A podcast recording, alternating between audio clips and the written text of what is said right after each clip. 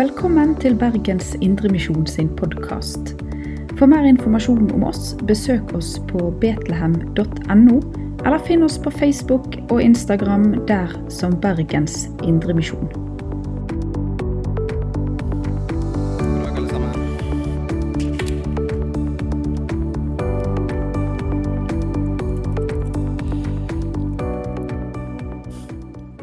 Jeg syns det er veldig kjekt å stå her og tale på en søndagsgudstjeneste.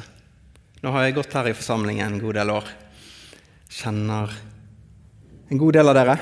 Men jeg kan ta og introdusere meg selv, bare for å ha gjort det. Så jeg heter Fredrik. Jeg er 29 år gammel, og jeg er gift med Bolette, som er med her i lovsangen og søndagsskolen. Jeg har gått i forsamlingen her i fem år omtrent. Jeg jobber til daglig i et firma som heter Tieto Evry. Jeg jobber da som teknisk leder der, så har både litt personalansvar og teknisk ansvar for en sikkerhetsavdeling der. Um, Vi jobber mot bank og finans, så hvis du har problemer med å logge inn i nettbank, så vet du hvem du skal skille på. Og det vet jeg at flere har.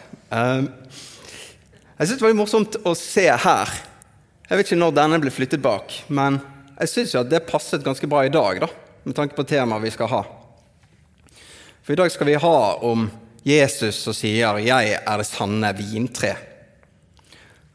Så er kanskje dette mer livets tre, da, som er tenkt her. Men i dag så kan dere kanskje tenke at det er vintreet.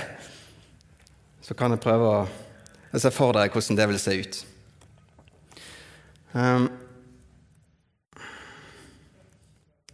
I Bibelen så har vi mange 'jeg er'-utsagn fra Jesus. Jeg tror det er syv stykker. Um, og Jesus prøver å forklare oss hvem han er. Um, og kan på en måte se for deg at Jesus han er så stor og uforståelig for oss mennesker at han har valgt å bruke mange forskjellige bilder, sånn at vi kan få se litt og litt av hvem han er. Så hvert bilde vil gi oss en litt annen vinkel og et litt annet synspunkt på hvem Jesus er, og hva han har gjort. Og han har valgt å bruke dagligdagse bilder som vi dødelige mennesker klarer å forstå. Eh, Og kanskje spesielt mennesker på den tiden. Så noen av bildene må vi kanskje ha litt hjelp med å skjønne. Ok, hva var det Jesus mente med dette bildet? Eh, Jeg tenker litt på dette bildet. Jeg er det sanne vintre. Hva er det som er så spesielt med dette bildet? Hvis vi tar alle de syv bildene på siden ved siden av hverandre, hva er det som særpreger akkurat dette bildet? Hvorfor var det nødvendig at han måtte ha med akkurat dette bildet, og at det ikke var nok med bare de seks andre bildene? Og Det er iallfall én ting jeg har tenkt på, da. Og det er det at dette bildet er veldig nært, og det er veldig intimt. Og du kommer veldig tett på Jesus. Når Jesus sier han er veien, sannheten og livet, og han er um, døren og han er hyrden, så sier det mye om Jesus og person, hvem han er. Men her på dette bildet, han er treet og vi er greinene, så kommer vi veldig tett på Jesus. Og vi får lov til å se også hvem vi er i forhold til Jesus.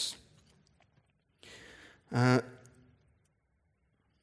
jeg tenker det handler om livet, være, så, livet som kristen. Uh, det å være på han, det å være nær han. Uh, det å få ta del i hans offer og i hans frelsesverk. Um, greinen har ingen kraft i seg selv. Den er avhengig av stammen for å få næring og for å vokse og få frukt. Og på samme måte så er vi mennesker helt avhengig av Jesus for å få den næringen og det vi også trenger. Så jeg har tre punkter for tale i dag. Det første punktet det er påkobling. Det andre punktet er næring. Og det siste punktet er fullkommen glede.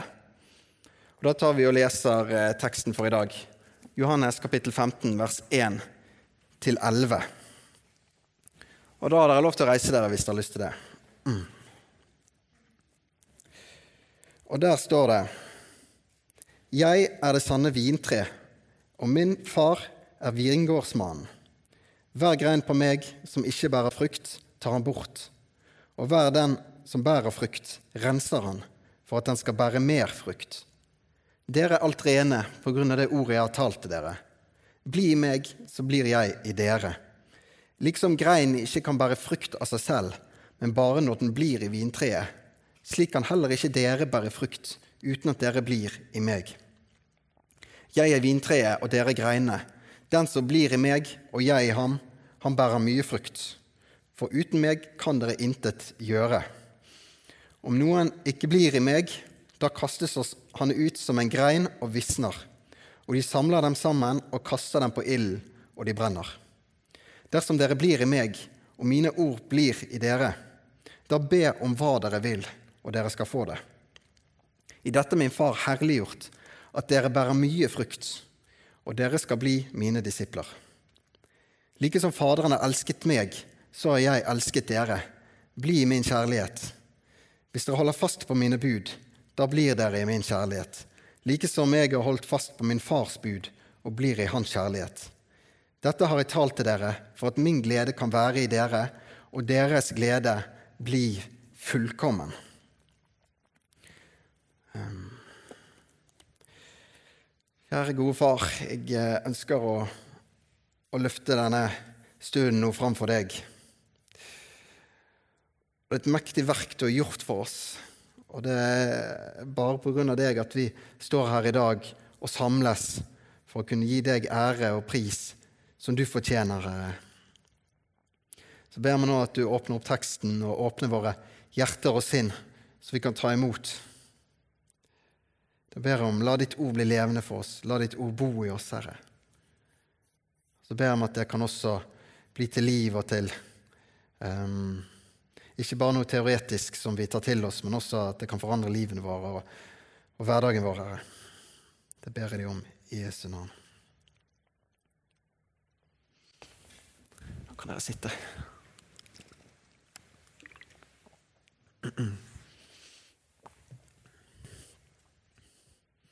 Bibelen, når den snakker om frelsen, så er alltid Bibelen tosidig eller dualistisk. Du har de som er på innsiden, og så er det de som er på utsiden. Du har ikke noe midt imellom. Du har ikke noen som er halvveis Guds folk, eller halvveis frelst. Enten er du frelst, eller så er du ikke frelst. Enten er du geitene, eller så er du sauene. Du har Guds barn, djevelens barn.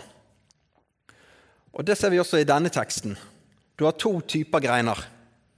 Du har de som blir på treet og bærer frukt, og du har de som ikke bærer frukt, og blir tatt bort. Og Før vi begynner å snakke om greiner og frukt og det som teksten går inn på, så tror jeg det er én ting som er veldig viktig å oppklare med denne teksten her, og som sikkert dere allerede har tenkt på. Hvem er disse greinene som var på treet, men som blir plukket av? Er det mennesker som var frelst, og så har det blitt tatt vekk? Hvem er disse? Og Jeg tror det er viktig, fordi det er viktig at vi på en måte, vi kan ikke la sånne ting ødelegge for budskapet. At sånne ting driver og surrer opp i hodet. Vi er nødt til å adressere de tingene som kan være vanskelig med teksten.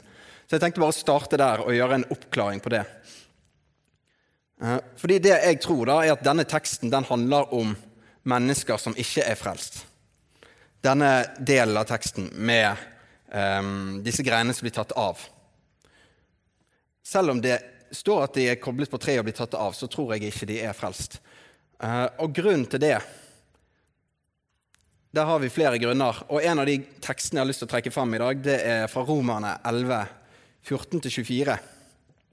Jeg ønsker å bevise for dere at dette er mennesker som de har en kobling til Jesus på en eller annen måte. De har en assosiasjon til han, de har tanker om hvem han er, og jeg tror I dette tilfellet så handler det også om jødene, at de var Guds folk. Men allikevel så blir ikke de frelst på en annen måte enn det vi blir i dag, ved troen på Jesus alene. Så da kommer jeg til å gå til eh, Romerne 11 og leser teksten der. Dette handler om israelsfolket. Og I dette eksempelet så er det også et tre, men det er et oliventre. 14. Eh, og Der sier Paulus kunne jeg bare vekke mitt folk etter skjødet til nysgjerrighet og få frelst noen av de. For en, ver for en verden for er verden blitt forlikt med Gud ved deres forkastelse, hva annet vil da deres antagelse bli enn liv av død, døde? Men er førstegrøden hellig, da er også deigen hellig. Og er roten hellig, da er greinene det også. Men om nå noen av greinene blir brutt av, og du som er en vill oljekvist blir podet inn blant de og fikk ta del i sevjen fra roten, så ros deg ikke mot greinene. Roser du deg, så vit at det, det er ikke du som bærer roten, men roten som bærer deg. Du vil da si, greinene ble brukket av for at jeg kunne bli podet inn. Nå vel, på grunn av vantro ble de avbrutt. Men du står ved din tro. Vær ikke overmodig, men frykt. For sparte ikke Gud de naturlige greinene, vil han heller ikke spare deg. Se derfor Guds godhet og strenghet, strenghet mot den som falt, men over deg er Guds godhet, så sant du holder fast ved Hans godhet. Ellers skal også du bli hogget av. Men også de andre skal bli innpodet hvis de ikke holder fast ved sin vantro. For Gud er mektig til å pode dem inn igjen. Du ble avhogd av det oljetreet som av naturen er vilt, og mot naturen innpodet på et edelt oljetre. Hvor mye mer skal da naturlige greiner bli innpodet i sitt eget oljetre, som de etter naturen tilhører?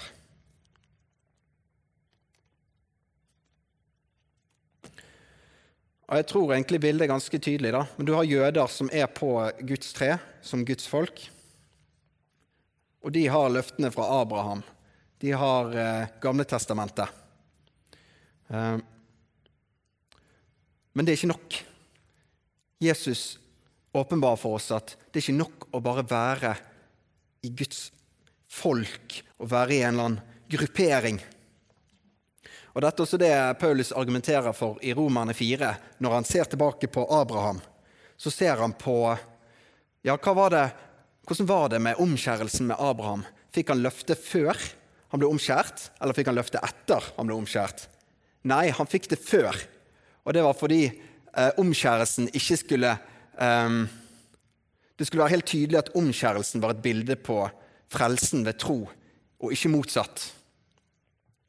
Det er veldig viktig eh, allerede fra første stund å innse at Abraham ble faktisk frelst, ikke pga. omskjærelse, men fordi han trodde på Guds løfte.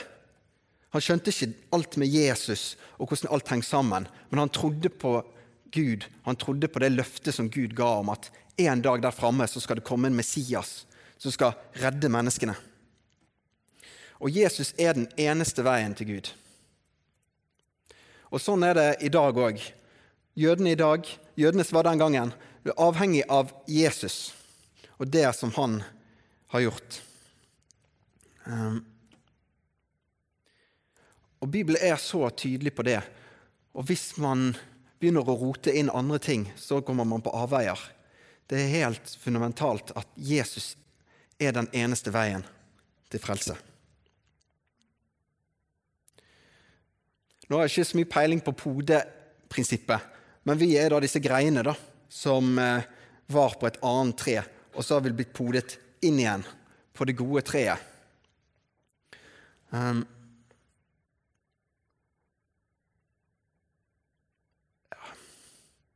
Jeg vet ikke om jeg skal si så mye mer enn det, fordi jeg skjønner ikke helt hvordan det henger sammen. Men det handler jo om at vi på en måte, vi har egentlig helt annen frukt enn de andre greinene. Men når vi kommer å bli koblet på treet og får næringen, så kan også vi få blomstre, og vi kan få frukt.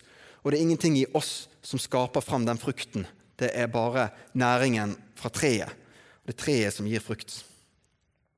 Og jeg tror også da Når vi kommer tilbake til vårt bilde, da, som handler om vintreet, så er det egentlig et veldig likt bilde der. da. Eh, for bare hamre helt inn dette med de som eh, eh, følger Jesus og ser på seg selv som hans og sitt, hans folk, så kan vi se i Johannes 6 om mennesker som var disipler. Det står at de var disipler, og de fulgte Jesus. Men når han begynte å tale alvorlig, og han begynte å tale om ting som at å, du må spise min kropp, og du må drikke hans blod, så forlot de han. De ville ikke følge han lenger. Og Det står også i Johannes 2, 23-25 at det var mange som trodde på Jesus når de så de gjerningene han gjorde. Men Jesus ville ikke betro seg til dem fordi han visste hva som bodde i mennesket. Og sånn Helt konkret i dag så tror jeg det er mennesker i dag som lever i en sånn sfære. De lever kanskje i en kristen familie, de lever kanskje uh, med en kristen tradisjon. Og så tror de at de er koblet på treet, men så er de faktisk tatt av dette treet. De lever i en assosiasjon til Jesus, de har en tanke om hvem Jesus er. Men det er ikke nok. Um,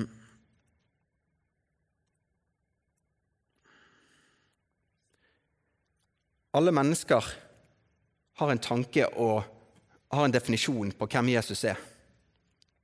Men det er Jesus som må eie oss og definere hvem vi er. Si det en gang til. Alle mennesker kan eie en definisjon av hvem Jesus er, men det er Jesus som må eie oss og definere hvem vi er. Uh, ja, og det er et alvorlig bilde. Vi ser i vers 6 i teksten vår. Hvis skal går tilbake der.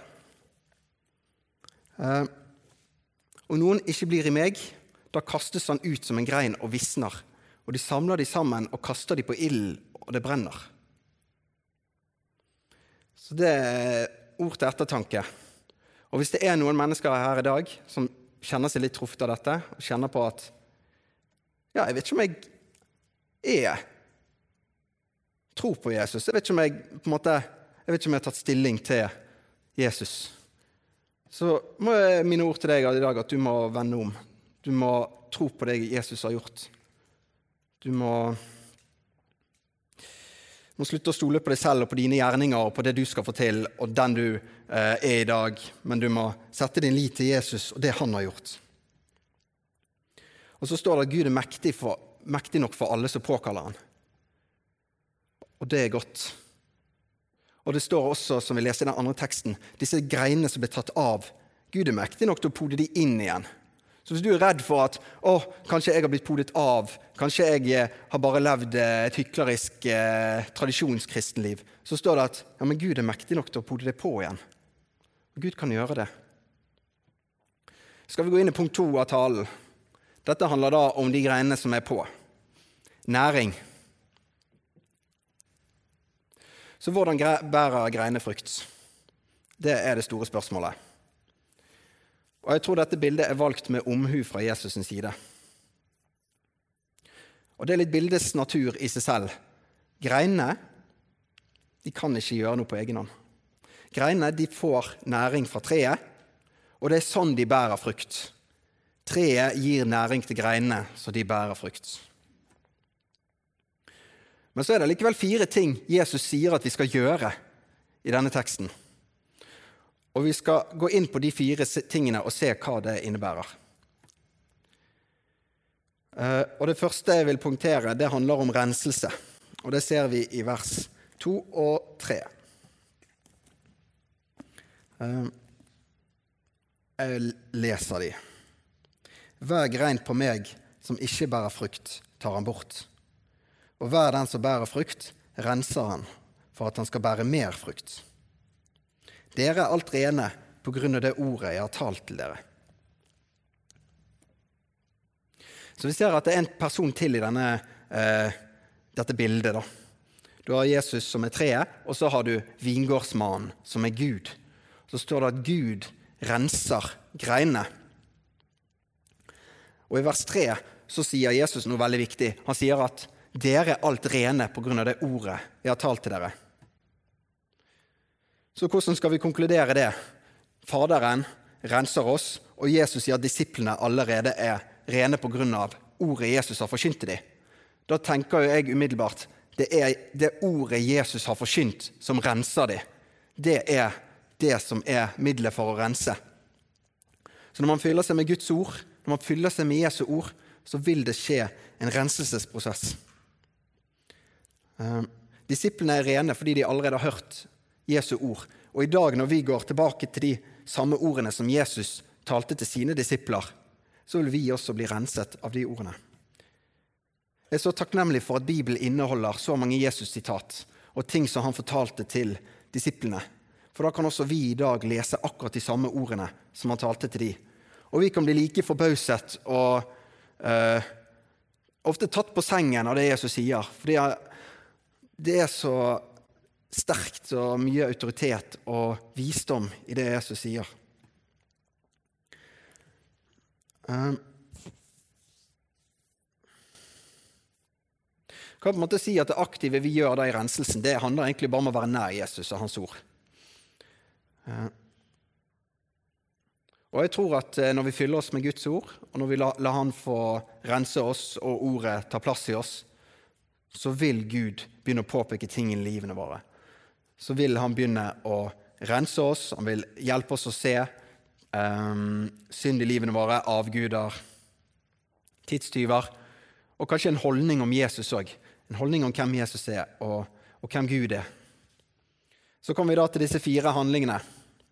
Det første uh, finner vi i vers fire.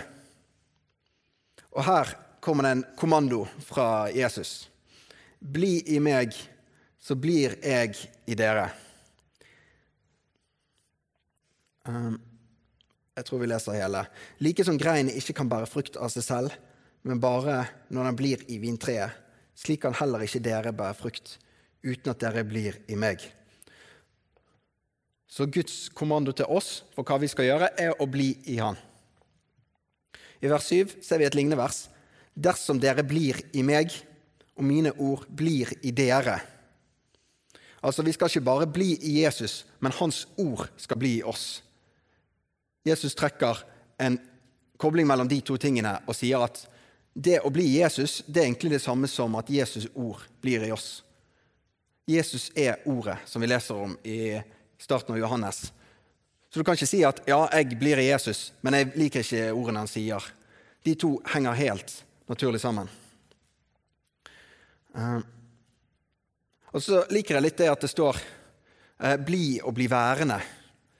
For det handler ikke om å bare ja, ok, nå skal jeg fylle meg med Guds ord, nå skal jeg ta en bibelleseplan, skal jeg kjøre gjennom Bibelen på et år. Det handler om å bli i ordet hver dag. Det er godt. Det trenger ikke være så mye. Bruke tid. Få tenke på Guds ord. Tenke hvordan kan dette eh, bety noe for meg i dag? Hva har dette å si for mitt liv? Da kan vi bli og bli værende i Guds ord.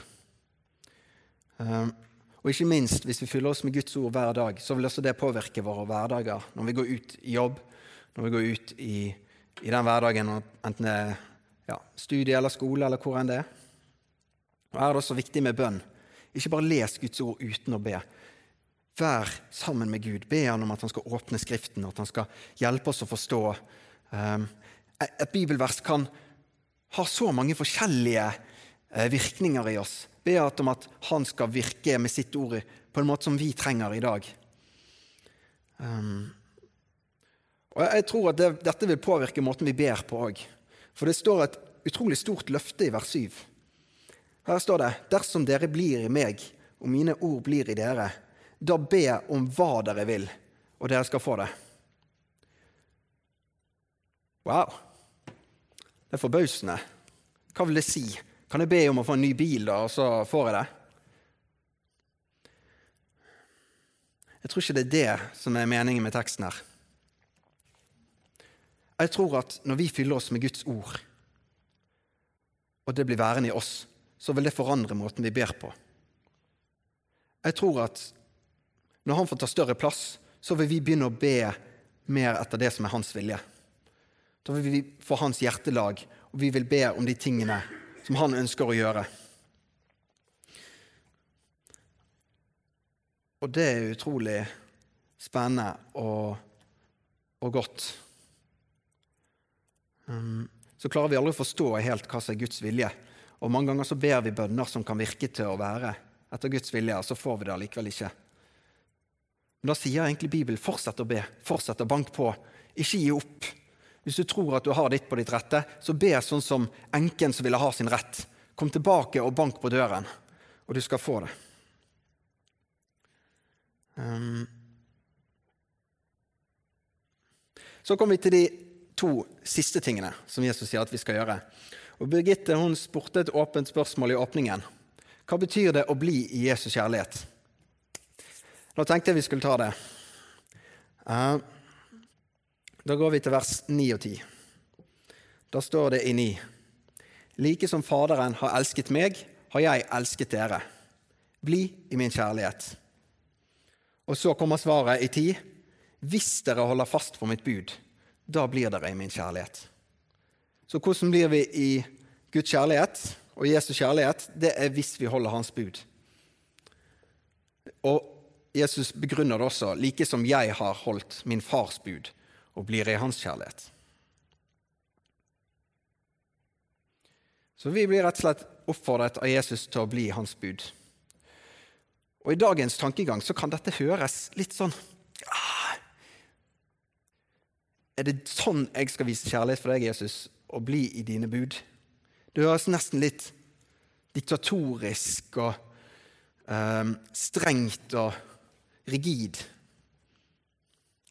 Men jeg tror vi har lett for å glemme hvor høyt Jesus hvor høye tanker han har for sine bud.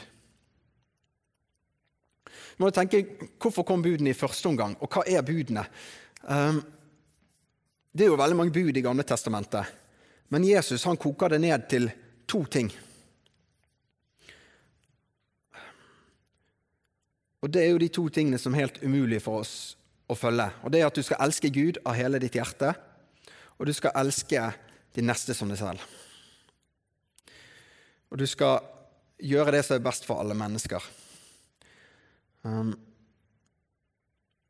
og dette oppsummerer egentlig hele Guds lov og de tingene han vil.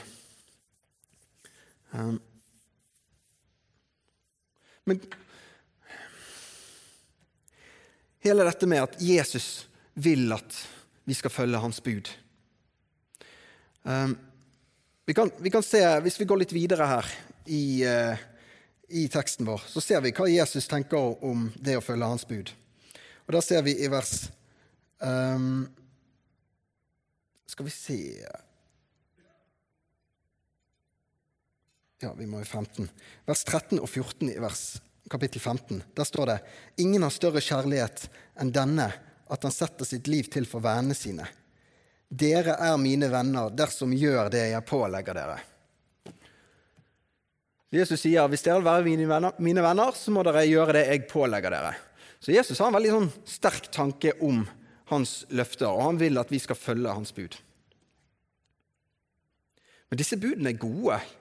Hvis alle mennesker hadde elsket Gud av hele sitt hjerte og elsket sin neste som seg selv, så hadde det hatt et fantastisk samfunn. Du Hadde, det er jo egentlig dette, disse måte, verdiene som hele moderne samfunn er bygd på, og grunnmuren i at vi kan ha et fungerende system, et fungerende samfunn i det hele tatt, er det denne tilliten og denne nestekjærligheten til hverandre. Um, så dette er noe vi med glede kan ta imot, disse ordene, selv om de kan høres harde ut. Ja, følg mine bud. Men dine bud de er gode. Og det er ikke sånn at vi skal klare perfekt å følge Jesu bud. Det er ingen som klarer det. Det handler om eh, Det handler om eh, et ønske og et hjertelag som Jesus vil la gro fram og vokse i oss. Um, og så kommer vi til slutt til siste del av teksten. Og Da står det i vers 11. Dette har jeg talt til dere, for at min glede kan være i dere, og deres glede blir fullkommen. Jeg så i dagens tekst at de ikke hadde med etter vers 11, men jeg tenker at dette er veldig viktig å ha med. Her føler jeg hele poenget med lignelsen kommer fram. Dette har jeg talt til dere, altså hele denne lignelsen her har jeg fortalt til dere, for at min glede kan være i dere, og deres glede blir fullkommen. Vi må spørre oss hva var Jesus' sin glede når det står at 'min glede kan være i dere', og deres glede blir fullkommen? Ja, Men hva var denne gleden som Jesus hadde? Vi vet jo at Jesus garantert både lo og smilte, selv om det faktisk ikke står en eneste plass i evangeliene at han gjorde det så kan vi se for oss han var et menneske. Han var et menneske som hadde både gleder og sorger. Men når vi oppsummerer Jesu liv i Bibelen, så er det et liv som er helt hinsides. Det er et liv full av smerte, full av sorg og pine. Så når Jesus sier at vi kan få ha hans glede, så blir jeg nesten litt sånn overveldet. Jesus, hadde du en glede i det hele tatt? Hvordan kunne du ha en glede i dette livet? Og Jeg tenkte jeg bare skulle nevne noen av de tingene som Jesus gikk gjennom i livet sitt. Som er bakteppet for hele livet hans. Inngangen til livet. Så ble han eh, Maria hadde en jomfrufødsel, og Jesus ble født i en stall. Og Når vi ser helt overfladisk på det, kan vi tenke å, så koselig. Nesten som et eventyr. Koselig historie. Men hvordan var det for Jesus, da? Hvis det var folk som visste om dette her? Ja, du er, du er født utenfor familien, du. Du er en som eh, er født i hor. Det var sikkert folk som tenkte det. Det var sikkert folk som sa det. Det var jo sånne rykter som den gangen, akkurat som i dag. Det var nok ikke sånn at det var helt hemmelig. Når Jesus skulle begynne sin tjeneste, så ble han fristet i 40 dager. Han spiste ikke og drakk ikke. Du er på ditt, er på ditt helt mest elendige i en sånn situasjon. Bare høre om folk som er i førstegangstjenesten, og så går de ut i felt, og så har de kanskje mange dager uten mat. Du, helt, du vet ikke om du klarer å komme gjennom det. Og hvordan var det for Jesus i 40 dager? Og så kommer djevelen. Og for noen, sant, ja, jeg, jeg prøver å konsentrere meg nok om å overleve her i ørkenen. Men Jesus må ikke bare konsentrere seg om å overleve. Han kan jo befri seg ut av situasjonen med å knipse. Så kan han skape brød, og han kan skape vann. Og han lever hele tiden med den fristelsen mens han er i ørkenen. Allikevel så står han i det og sier 'jeg skal gjøre dette', fordi han hadde en profeti han skulle oppfylle. Han skulle, det skulle være et bilde på israelsfolket som var 40 år i ørkenen. Uh, og som hele tiden gikk bort fra Gud, så skulle Jesus oppfylle dette med å være 40 dager i, uken, 40 eh, dager i ørkenen. Og han skulle på ingen måte gå bort fra det Gud hadde sagt og gjort. Han skulle stå i det. Og han ble fristet til det ytterste av djevelen. Både til å befri seg ut av situasjonen, han ble fristet til å åpenbare for hele verden hvem han var. Og han ble også fristet til å unngå korset.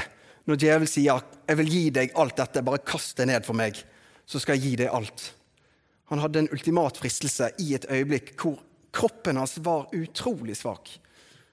Og han ble spottet. Han ble kalt for en drukkenbolt og en synder. Han ble konstant jaget på av fariseerne. De var ute etter å ta han på hvert eneste ord han sa. Hver gang han kom med noe, så kom de og prøvde å korrigere han, stille han spørsmål, prøve å, å få han til å si feil. Han var alene i verden uten ekte venner.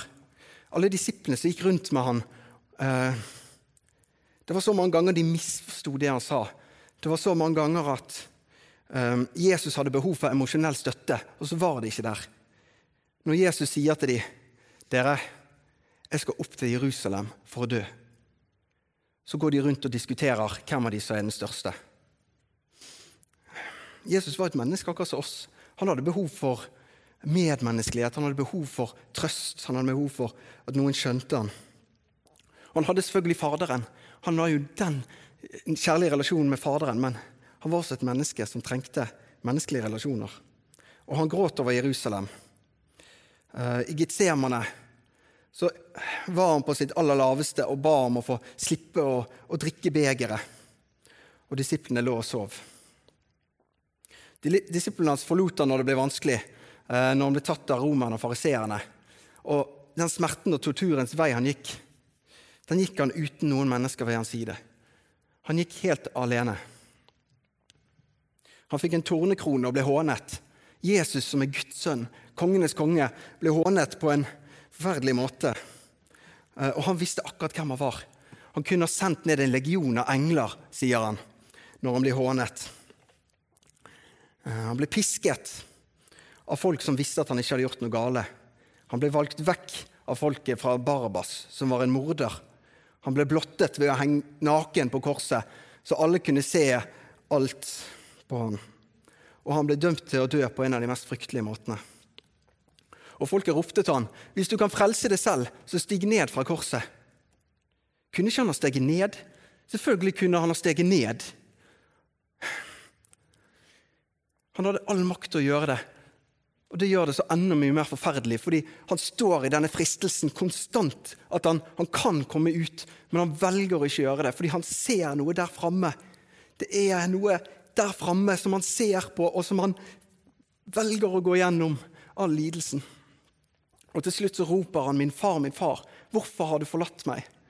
Guds, til og med Gud forlater han til slutt og Guds vrede blir lagt på Jesus, og han drikker vredesbegeret som han har sett i evigheter havet. Han sett ned på jorden og tenkt på dette må jeg gjøre for å redde menneskene. En dag så må jeg gå ned i det elendige og det mørke for å drikke dette begeret som Gud har stelt i stand for meg. Og han gjør det. Og han gjør det for vår skyld. Det er derfor vi i dag går til nattverd. Fordi han gikk ned til det laveste, og han valgte å dø for oss. Og når vi får lov til å drikke vin, helst bitter vin, så får vi også kjenne på den bitterheten som Jesus kjente på når han, når han drakk vredesbegeret. Og hva var den gleden? Jeg tror Jesus så fram på den evigheten som ligger foran. Jeg tror Jesus så fram på deg, han så fram på meg, han så fram på alt det vi skulle leve sammen i evigheten for evig sammen med han og for sin ære. At han skal bli løftet opp, at han skal få bli kongenes konge, at han skal få eh, den plassen som han skal ha. Og at vi skal få bøye oss for han og gi han lovsang og ære til evig tid. Og tenk det, folkens. At Jesus var villig til å gå gjennom så mye for det. Da må det være bra. Da må det være så bra at vi ikke kan gjøre annet enn å lengte og ønske å komme der, vi òg. Himmelen vi snakker altfor lite om himmelen, men det er en så stor glede der framme. Og vi skal få lov til å ta del i det, alle sammen. Det er godt. Det er så utrolig godt for oss. Og jeg tenker det er det som er den, når det står i vers, vers 11 der, den fullkomne gleden. Ja, hva er den fullkomne gleden? Det er himmelen der framme, folkens. Og det blir godt. Det blir godt utrolig godt å være der sammen. Alle vi skal få møtes igjen, og vi skal få bringe evigheten sammen. Og den er en dag Jesus har ventet på. I Jesu navn. Amen. Takk, Gud, for det du gjorde, Herre. Den fullkomne gleden vi kan få ha i deg og det verket du har gjort. Takk for at vi får være tett på deg som greinene, at vi kan få får jeg alt for å være der, Jesus. Det handler ikke om det vi skal gjøre, og de aktive handlingene vi skal gjøre, men det passive, at vi kan få komme tett og være nær, Herre. Og så vet vi at alt det du igjen, gikk igjennom, Herre, det, det gjorde du, Herre. Og du hadde en glede fordi du så fram, Herre, på den evigheten. Og jeg takker deg for det, Herre. La det få prege livene våre. Jesu navn. Og la oss være takknemlige, alltid takknemlige for det du har gjort, Jesus. Vi kan aldri forstå dybden av det du har gjort, men vi kan få noen glimt, Herre. I Jesu navn. Amen. Du har lytta til Bergens Indremisjon sin podkast. For mer informasjon om oss, besøk oss på betlehem.no, eller finn oss på Facebook og Instagram der som Bergens Indremisjon.